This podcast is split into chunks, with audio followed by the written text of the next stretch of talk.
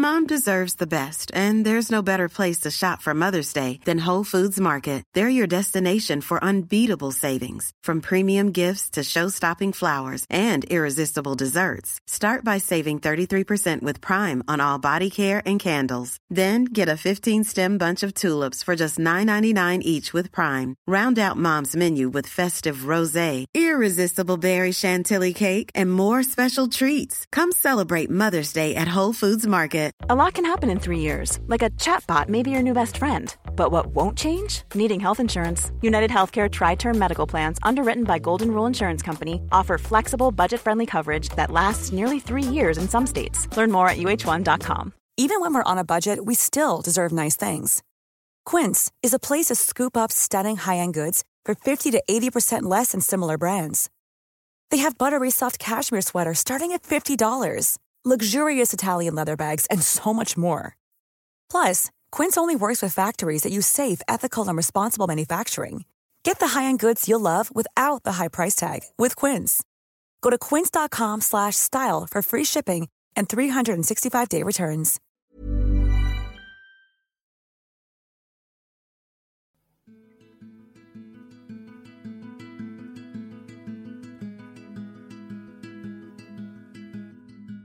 Hej! Välkomna till podden Sorgsnack med Lea och Jenny. Den här podden berör allt som har med sorg och förluster att göra.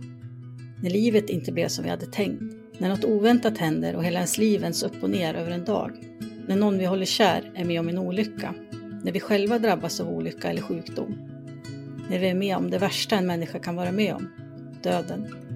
Och som i vårt fall, när vi tvingas ta farväl av ett av våra barn och såklart många andra förluster som vi människor går igenom under en hel livstid. Vad är sorg och sorgbearbetning egentligen? Vi kommer gästas av kända och okända personer som kommer dela med sig av sina berättelser och som möter sörjande i sin profession. Vi kommer att diskutera hur vi människor reagerar och agerar vid olika förluster och kriser och hur samhället bemöter människor i sorg. Vi vill med den här podden göra så att fler människor ska våga öppna sig och våga prata mer om sorg och de känslor man bär på. Vi hoppas att detta ska hjälpa andra personer i liknande situationer och vi hoppas att du vill hänga med oss genom vår resa.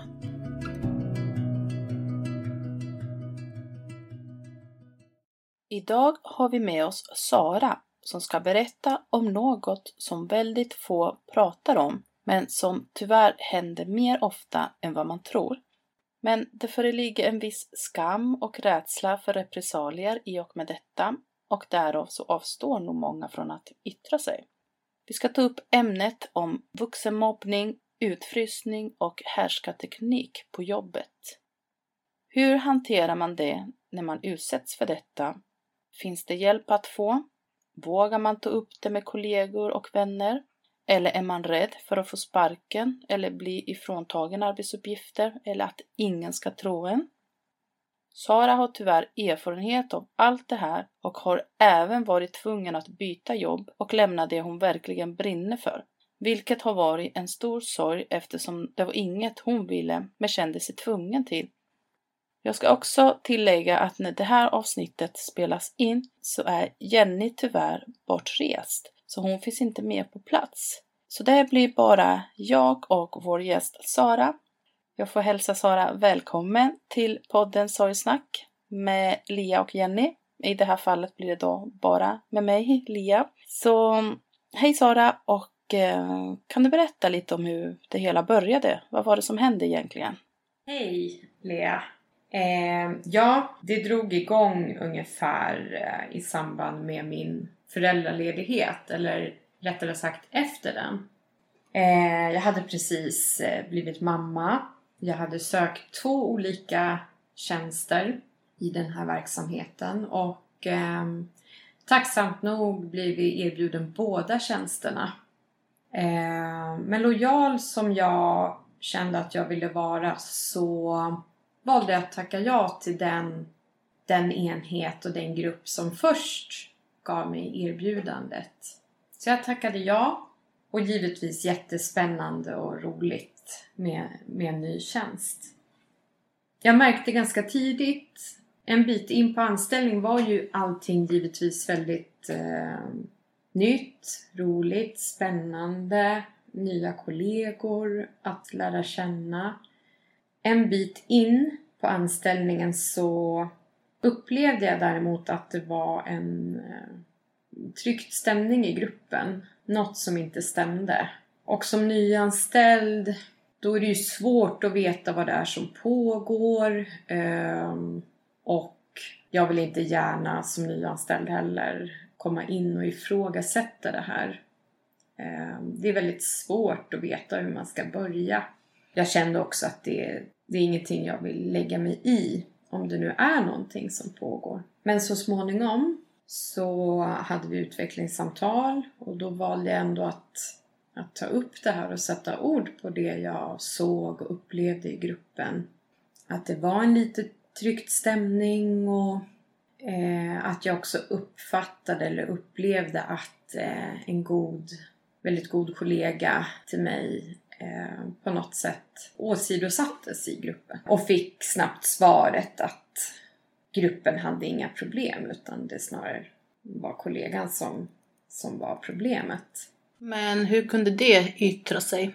På vilket sätt blev hon åsidosatt? Eh, jag märkte att det, eller jag uppfattade det som att det var lite gnälligt i gruppen och eh, jag uppfattade också att min kollega eh, drog sig undan lite och eh, eh, nej, det var, det var en, en, en, någon stämning där som, som gjorde att jag, jag förstod rätt tidigt att det var någonting eh, som pågick. Om det var någon missnöje eller vad, vad det var. Mm. Mm. Den här kollegan valde så småningom att lämna tjänsten och gå vidare mot eh, nya uppdrag. Eh, och ganska snabbt efter det så uppfattade jag att nu var det min tur att på något sätt eh, utsättas för den här gruppens frustration. Och jag vill vara väldigt tydlig med att det här är absolut mina högst subjektiva uppfattningar och upplevelser. Men eh, det händer ju ganska mycket i livet när du blir mamma. Dels händer det ju mycket med dig själv. Eh, men det händer också mycket, ja, som livet i stort. Att eh, det ska skolas in på förskola. Det hämtas och lämnas på, på förskolan. Det är förskolebaciller som går, går i omlopp. Och, ja, vardagen ska flyta på. Du kanske är trött. Eh, det är nya rutiner för dig som mamma. Så det är ju väldigt livsomvälvande att bli mamma. Eh, men det är också en underbar tid i livet. Ungefär samtidigt fick jag också reda på att eh, jag har en underfunktion i min sköldkörtel som bidrar till att man lätt blir trött man går upp i vikt och, och lite olika sidoeffekter av det då. Så att det hände ungefär samtidigt där. Och på jobbet samtidigt då så märker jag, kunde jag få subtila signaler som att återigen att det var något som inte var helt, helt bra. Jag upplevde inte den här goda gemenskapen och kollegialiteten som jag hade upplevt i min tidigare grupp och anställning där vi stöttade varandra väldigt mycket. Vi hade väldigt trevligt och roligt på jobbet och vi hade det bra tillsammans. Jag kunde märka signaler som att man tog lunch utan mig, utan att jag blev tillfrågad. Man fika utan mig. Eller det kunde vara tvärtom, att jag satt och åt lunch och så kunde alla resa på sig och gå. Eller att jag kom och anslöt eh, till lunchen och så reste man på sig och gick. Jag eh, undanhölls information. Jag upplevde också att det letades fel i mitt arbete. Eh, vad jag sa, vad jag gjorde. Jag skulle inte komma och tro att jag var någonting, fick jag till mig. Och ifrågasättanden eh, som jag indirekt kunde förstå att de var ju relaterade till mig, till exempel vad jag hade för lön och hur jag kunde ha en helt annan lön än mina kollegor till exempel. Var det för att du som kvinna hade bättre betalt än dina manliga kollegor? Ja, det stämmer. Eh, det lyftes upp vid ett möte Mm. att eh, jag hade jag låg lite över dem i, i lön då. Först var det ju ingenting jag reflekterade över och eh, jag, jag blev ju varse och informerad om det när jag anställdes men jag, jag gjorde ingen sak av det och jag pratade aldrig öppet om det. Men på något sätt hade det ju kommit fram då. Jag kommer ihåg att eh, helt oannonserat så skulle vi plötsligt ha möte. Då hade man bjudit in en eh, annan medarbetare att prata om lönesättning och lönebildning. Och då ställde man frågan öppet i gruppen men utan att annonsera att det handlade om mig. Att hur kommer det sig att en kollega som har arbetat så mycket kortare tid kan vara högre lönesatt än oss andra? Och då förstod jag ju direkt att det, det handlar om mig. Mm. Och eh, det var bara ett i raden av, av ehm, ja, lite obekväma situationer. Ehm, jag eh, lyfte ju givetvis det här eh, vid fortsatta medarbetarsamtal att ehm, ja, det inte kändes bra och jag kom att söka mig vidare också så, så småningom när jag märkte att det kanske inte fanns så mycket som någon kunde göra åt det här. Och då tänkte jag att då är det bättre att jag flyttar på mig. Och också faktiskt arbeta med det jag har bakgrund och utbildning inom. Jag kan tänka mig det här var ju verkligen någonting som du ville göra och jobba med. Så hur kändes det när du kommit till den här arbetsplatsen och helt plötsligt möts av den här sortens eh, bemötande helt enkelt och härskarteknik och mobbning. Var, var det en sorg i dig att det blev så? Att det inte blev som du hade tänkt dig? Ja, det absolut har, har varit en sorg. Um, I den situationen så blir man väldigt förvirrad. Att um, det är svårt att sätta ord på det som sker. Är det mobbing eller vad, vad är det frågan om? Och även om det inte var mobbing Eller utfrysning? eller utfrysning så, så var det hur som haver var det en dålig, tyder på en bristande arbetsmiljö. Mm.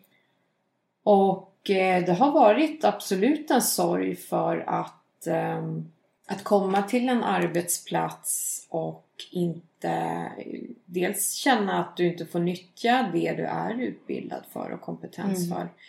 Men också att eh, inte få vara den du är. Det är en stor sorg. Ja, för jag tänker att du nämnde att du sedan fick ju söka dig vidare eh, från den här arbetsplatsen. Men tror du att det är någonting du hade gjort om det inte hade blivit på det här sättet? Eller hade du då kanske stannat kvar? Jag hade absolut stannat kvar och eh, som det var när jag en gång gick in i den här verksamheten, den här organisationen. Den kollegialitet jag var inne på, den kamratskap jag ändå har upplevt en gång i tiden. Mm.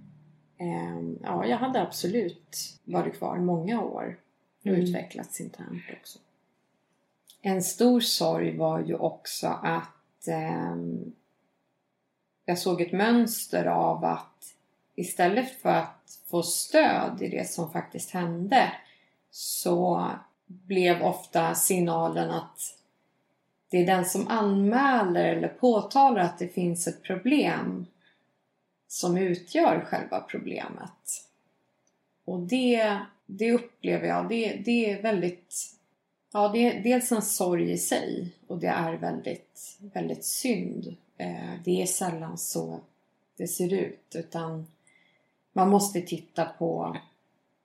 Det finns, finns alltid flera bakgrundsfaktorer att ta hänsyn till när sånt här händer. Och du har ingenting att sätta emot heller för att det kommer alltid, alla människor, alla individer, hur vi än är, vilken, hur gamla vi är, man eller kvinna, eh, oavsett etnicitet, könstillhörighet, eh, sexuella preferenser. Alltså vi, vi är människor. Vi har alla positiva sidor, vi har alla brister. Och den som letar riktigt noga kan alltid finna brister hos en annan individ. Mm. Men det är just vad vi gör av det som spelar roll. Att konstant använda negativa egenskaper mot en annan individ. Det är då vi är ute på väldigt tunn is, upplever jag. Mm. Och att då få med sig det när du sen ska söka dig vidare till exempel internt att men du har ju haft problem på de här och de här ställena också. Ja, då är du, då är du chanslös. Ehm, du får inte ens en chans mm. att visa vem du är. Och det i sig tycker jag tyder väldigt mycket på att vi har eh, stora utmaningar i organisationskultur och hur vi ser på varandra. Jag har absolut tagit del av flera situationer där jag eh, antingen direkt eller indirekt har fått ta del av att det pratats eller pratas bakom min rygg. Eh, och du vänjer dig aldrig vid det. Det kan vändas på varenda sten. Eh, hur du är som person, hur du ser ut, din kompetens, vad du säger, vad du gör. Ja, det går att hitta allt möjligt som kan vändas mot dig. Mm. Nu har vi ju inte sagt eller gått in på vad det är för organisation eller företag, för det har ju Sara valt att eh, hålla hemligt i och med att hon vill vara anonym. Men jag tänker att det måste ändå vara en plats där, där det är lätt att sånt här tyvärr förföljer en. Kan också ha med att göra att eh, i det stora hela så är det ändå en liten värld där många känner många. Hur skulle du säga att eh, den här chefen som du hade, hur har den personen bemött den här kritiken som han eller hon säkert har fått ta del av? Har det skett någon förändring? Har du fått höra någonting i efterhand? Nej, jag har eh, uppfattat det som och upplevt det som att... Har du eh, fått en ursäkt någon gång av någon? Nej, det har jag aldrig fått. Är det någonting du hade hoppats på att få? Eller åtminstone få ett erkännande att eh, du har blivit utsatt för det här och att du har mått dåligt i allt det här som har hänt? Ja, jag hade önskat att eh, man hade erkänt i alla fall att, att eh, det är någonting som har hänt. Oavsett om det har varit mobbing eller vad det har varit fråga om. Att man hade tagit det på allvar och bekräftat det alla vi som är utsatta har känt istället för att vända det mot mig och mina kollegor.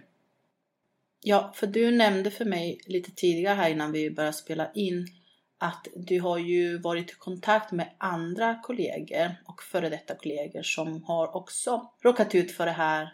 Finns det mycket i det här som man egentligen hade kunnat göra någonting åt om man kanske gick ihop tillsammans. Eh, fanns de tankarna där någonsin för dig att liksom starta någonting för att eh, få någon förändring? Nej, inte där och då. Och då visste jag inte hur eh, spritt det här var. Eh, det är lätt att tro att du står ensam när du befinner dig i den här situationen.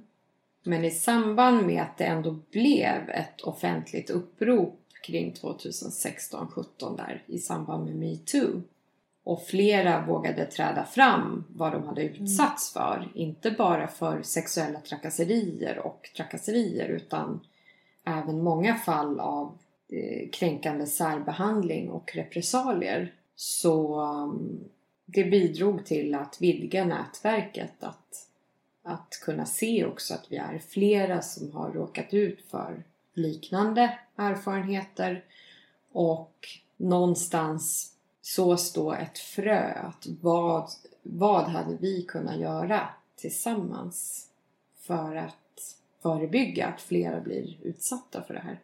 Mm. Jag har ju alltid brunnit för den typen av frågor eh, som berör just eh, kultur och hur vi har det på arbetsplatsen i form av organisationskultur, eh, ledarskap, eh, arbetsmiljö och har valt att fördjupa mig i området då. Och läst och studerat väldigt mycket om processerna bakom.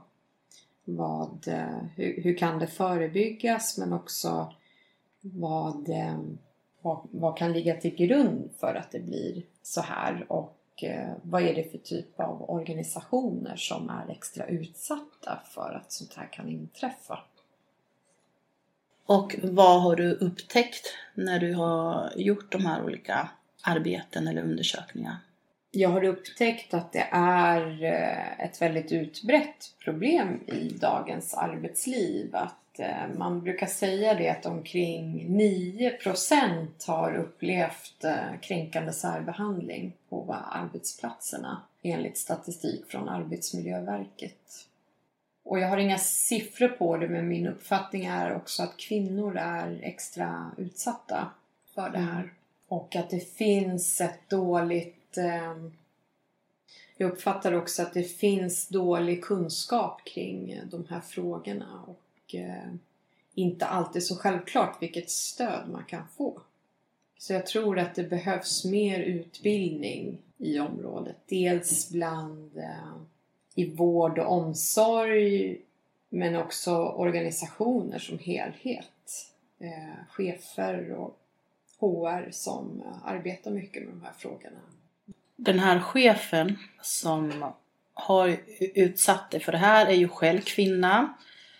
Och jag personligen har ju också erfarenhet av liknande situationer eh, där det också varit en kvinnlig chef. Och sen vet jag med mig att många fler har haft det som jag varit i kontakt med. Hur tror du att det kommer sig att eh, vi kvinnor på något sätt motarbetar varandra istället för att eh, lyfta varandra, hjälpa varandra? Var, vad kommer det här ifrån? Eh, jag tror och har eh, läst lite om att eh, i vissa organisationer ehm, och framförallt organisationer som eh, inte är helt jämställda och där det bildas minoritetsgrupper som till exempel kvinnor som är minoritet ökar sannolikheten för en osund konkurrens bland kvinnorna. Och eh, att det kan leda till att man då börjar motarbeta varandra. Det finns så liten spelyta för kvinnor att spela på så att eh, det leder till rivalitet och ja, att mm. man motarbetar den. De känner sig hotade kanske många gånger. Ja, det kan vara hot och precis. Eh, mycket också att man, som jag också var inne på, som inte bara är fallet för kvinnor men organisationen i stort också, att det finns något som kallas för organisatorisk orättvisa. Att ehm, det kan vara orättvisor i olika former då av förmåner, löner, anställningsvillkor med mera. Som också leder till rivalitet, avund och att man börjar spela ut varandra istället för att sporras, sporras av det här då. När allt det här pågick, hade du någon du kände förtroende för som du kunde vända dig till och eh, prata om de här sakerna med? Fick du stöd? Nej, jag, där och då så hade jag inte mycket stöd faktiskt. Jag kunde prata med anhöriga jag kunde prata med min man och vänner och familj. Men jag tror aldrig att de kunde förstå vidden av det jag upplevde och, utsattes för. Initialt så tog jag upp det med, med några kollegor som jag litade väldigt mycket på men som eh, jag tror inte att man orkar riktigt och eh, man vill inte bli indragen i någonting. Så eh, i de här situationerna så känner man sig väldigt ensam. Och vad har varit jobbigast i allt det här? Det jobbigaste har varit att eh, jag har inte samma tillit till människor idag som jag kanske hade tidigare. Jag är mycket mer på min vakt. Man har också kunnat konstatera att jag har eh, visat tecken på posttraumatisk stress. Eh, jag har isolerat mig väldigt mycket från omgivning, släkt och vänner på grund av hur jag har mått och mår. Jag tycker att det har förändrat mig som, eh, som människa. Förut var jag väldigt utåtriktad. Jag hade ett väldigt stort kontaktnät.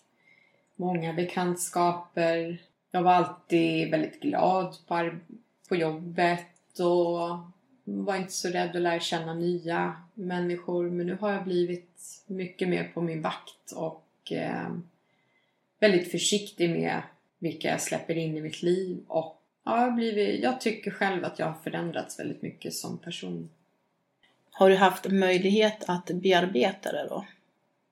Tack och lov har jag haft eh, väldigt, eh, väldigt skickliga professionella som jag har kunnat prata med och som också har haft erfarenhet av att arbeta med den här typen av problem tidigare och i liknande organisationer också som har förstått processerna bakom och ja, förstått hela, hela mekanismerna bakom osunda arbetsmiljöer och eh, kränkande särbehandling med mera och som har kunnat bekräfta väldigt mycket i det. Jag kommer ju alltid leva med sviterna av eh, det som har varit på ett sätt. Ehm, jag försöker Eh, inte låta det forma mitt liv eller att skapa en bitterhet hos mig. Det försöker jag in i, in i det sista. Och jag försöker hela tiden finna strategier för att hantera det. För att på många sätt är det väldigt... I det olyckliga så finns ändå många erfarenheter och att dra lärdom av att ta med mig framtida yrkesliv. Så att även om det har varit smärtsamt så jag bär ju med mig många erfarenheter som jag, jag kan ta med mig också från det här och stötta andra. Mm. Vad var det för olika repressalier som du kunde utsättas för? Det var dels eh, det jag tog upp tidigare att eh, hela tiden få emot sig att eh, dina nackdelar, att eh, det går alltid att hitta svagheter som sagt. Så att eh, det går att skrapa fram det mesta.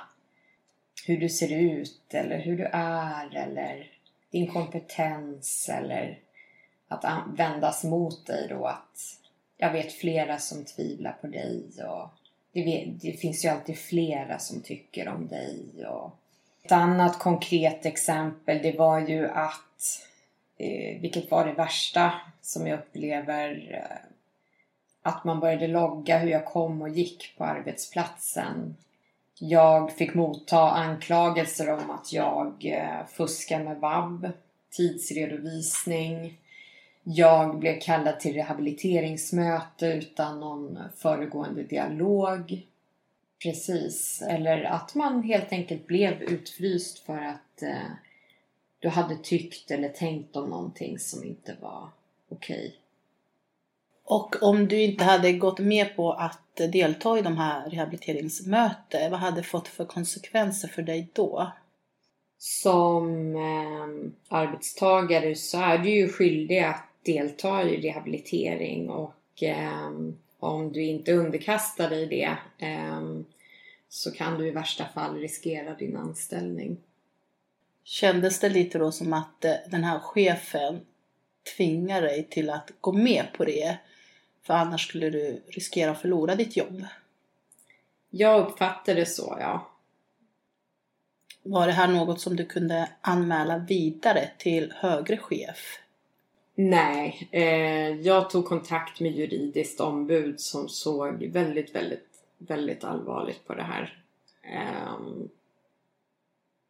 men eh, det togs aldrig vidare så och eh, jag orkade inte heller där och då driva någon process av det här så att eh, det slutade bara med att jag lämnade, valde att lämna arbetsplatsen. Mm.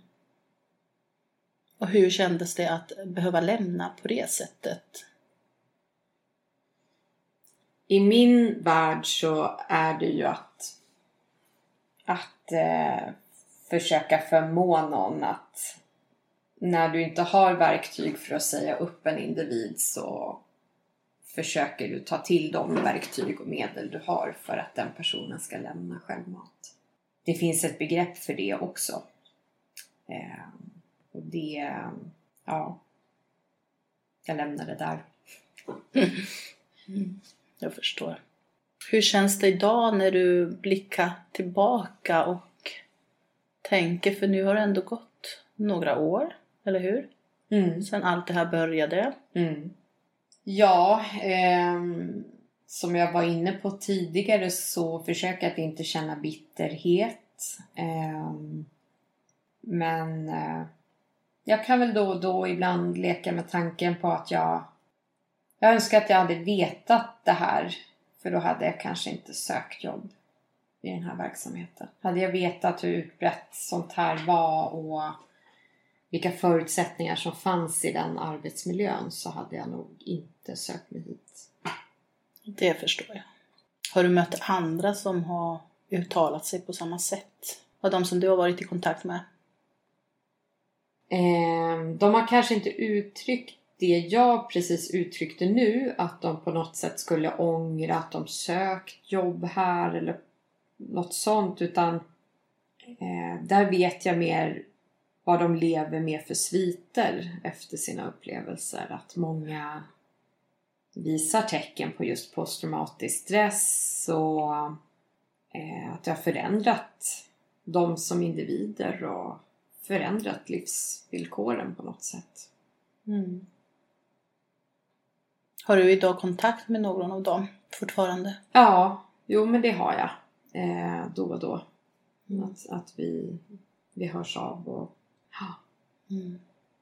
Vad hade du önskat att du hade fått för stöd då? Hur hade din drömbild sett ut då när du befann dig i den här situationen om du själv fick bestämma? Men så här hade jag velat att någon gick in och satte ner foten eller bemötte dig på ett speciellt sätt. Om du, hade, om du helt fritt får liksom drömma, hur hade det sett ut för dig?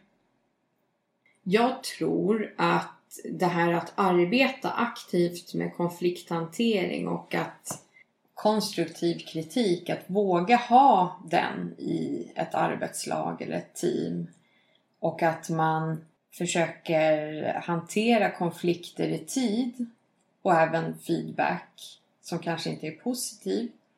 Att hantera allt det i tid innan det eskalerar och blir en potentiell konfliktsituation eller mobbingsituation. Då tror jag mycket är vunnet. Och mm. som chef har du ju inte sällan ett arbetsmiljöansvar delegerat till dig. I det arbetsmiljöansvaret ingår ju också att säkerställa att eh, den organisatoriska och sociala arbetsmiljön fungerar. Och i det då upplever jag och uppfattar jag så måste du kunna ta, ta itu med sådana här situationer i god tid. Du måste vara utbildad för det också. Det bör ingå i chefs och ledarskapsutbildning hur man hanterar sådana här situationer. Och i värsta, värsta, yttersta fall så måste man våga ta konflikten med vissa individer att det här är inte okej beteende. Alternativt eh, flytta på vissa individer också. Mm. Utan att för den saken skulle behöva vara rädd för att din karriär påverkas eller att du inte mm. kan befordras vidare. Men som du nämnde, du var ju i kontakt med juridiska staben bland annat och påpekade ju allt det här som du hade råkat ut för och att det gällde den här specifika kvinnliga chefen. Vet du om det idag har skett någon förändring där? Jag tänker för hennes del, eller har hon fått stanna kvar? Är hon fortfarande chef?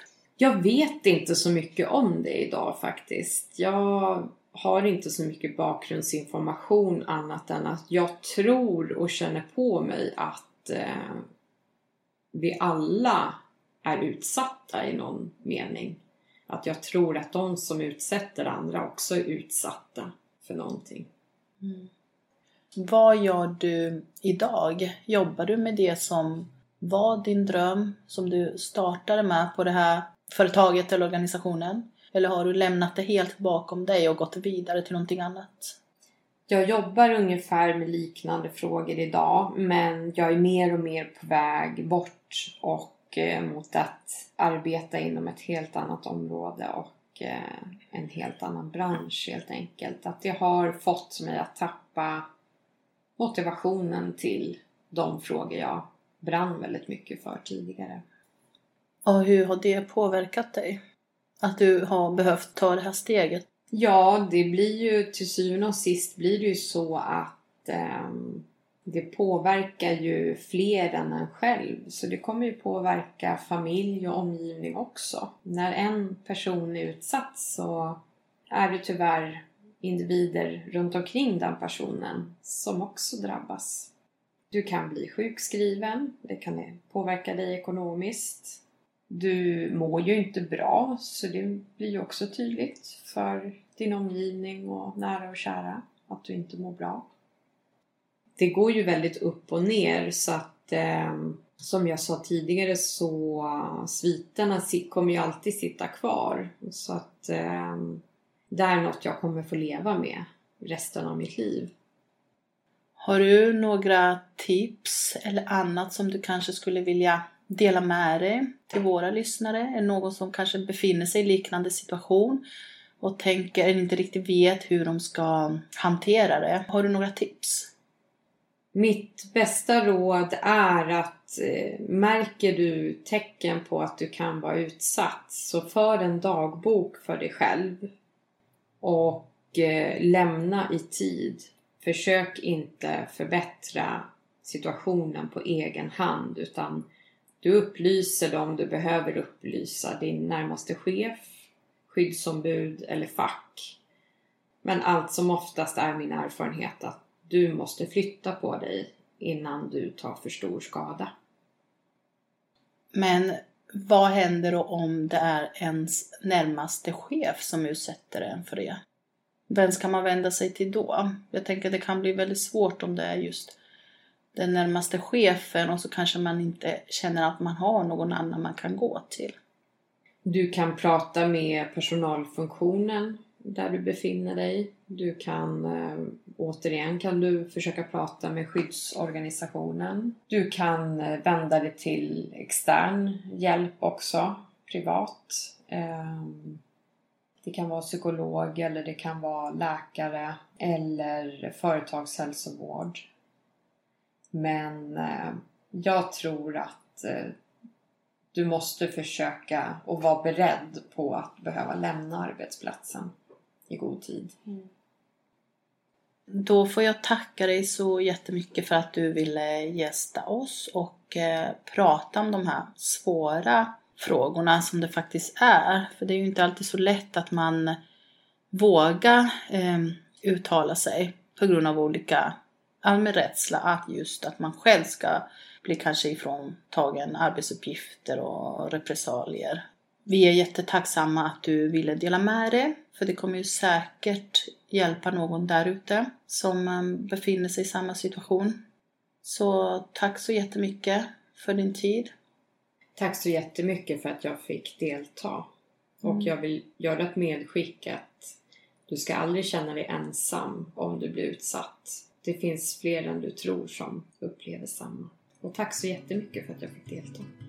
Tack själv. Hej då. Hej då.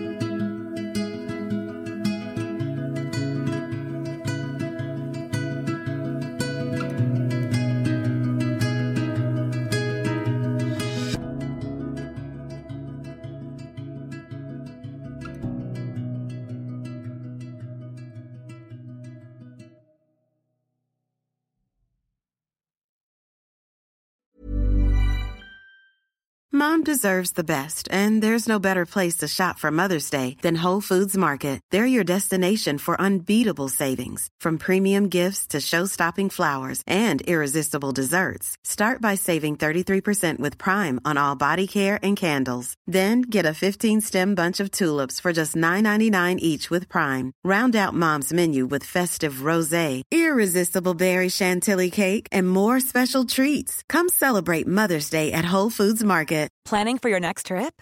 Elevate your travel style with Quince. Quince has all the jet setting essentials you'll want for your next getaway, like European linen, premium luggage options, buttery soft Italian leather bags, and so much more. And is all priced at 50 to 80% less than similar brands. Plus, Quince only works with factories that use safe and ethical manufacturing practices. Pack your bags with high-quality essentials you'll be wearing for vacations to come with Quince. Go to quince.com/pack for free shipping and 365-day returns.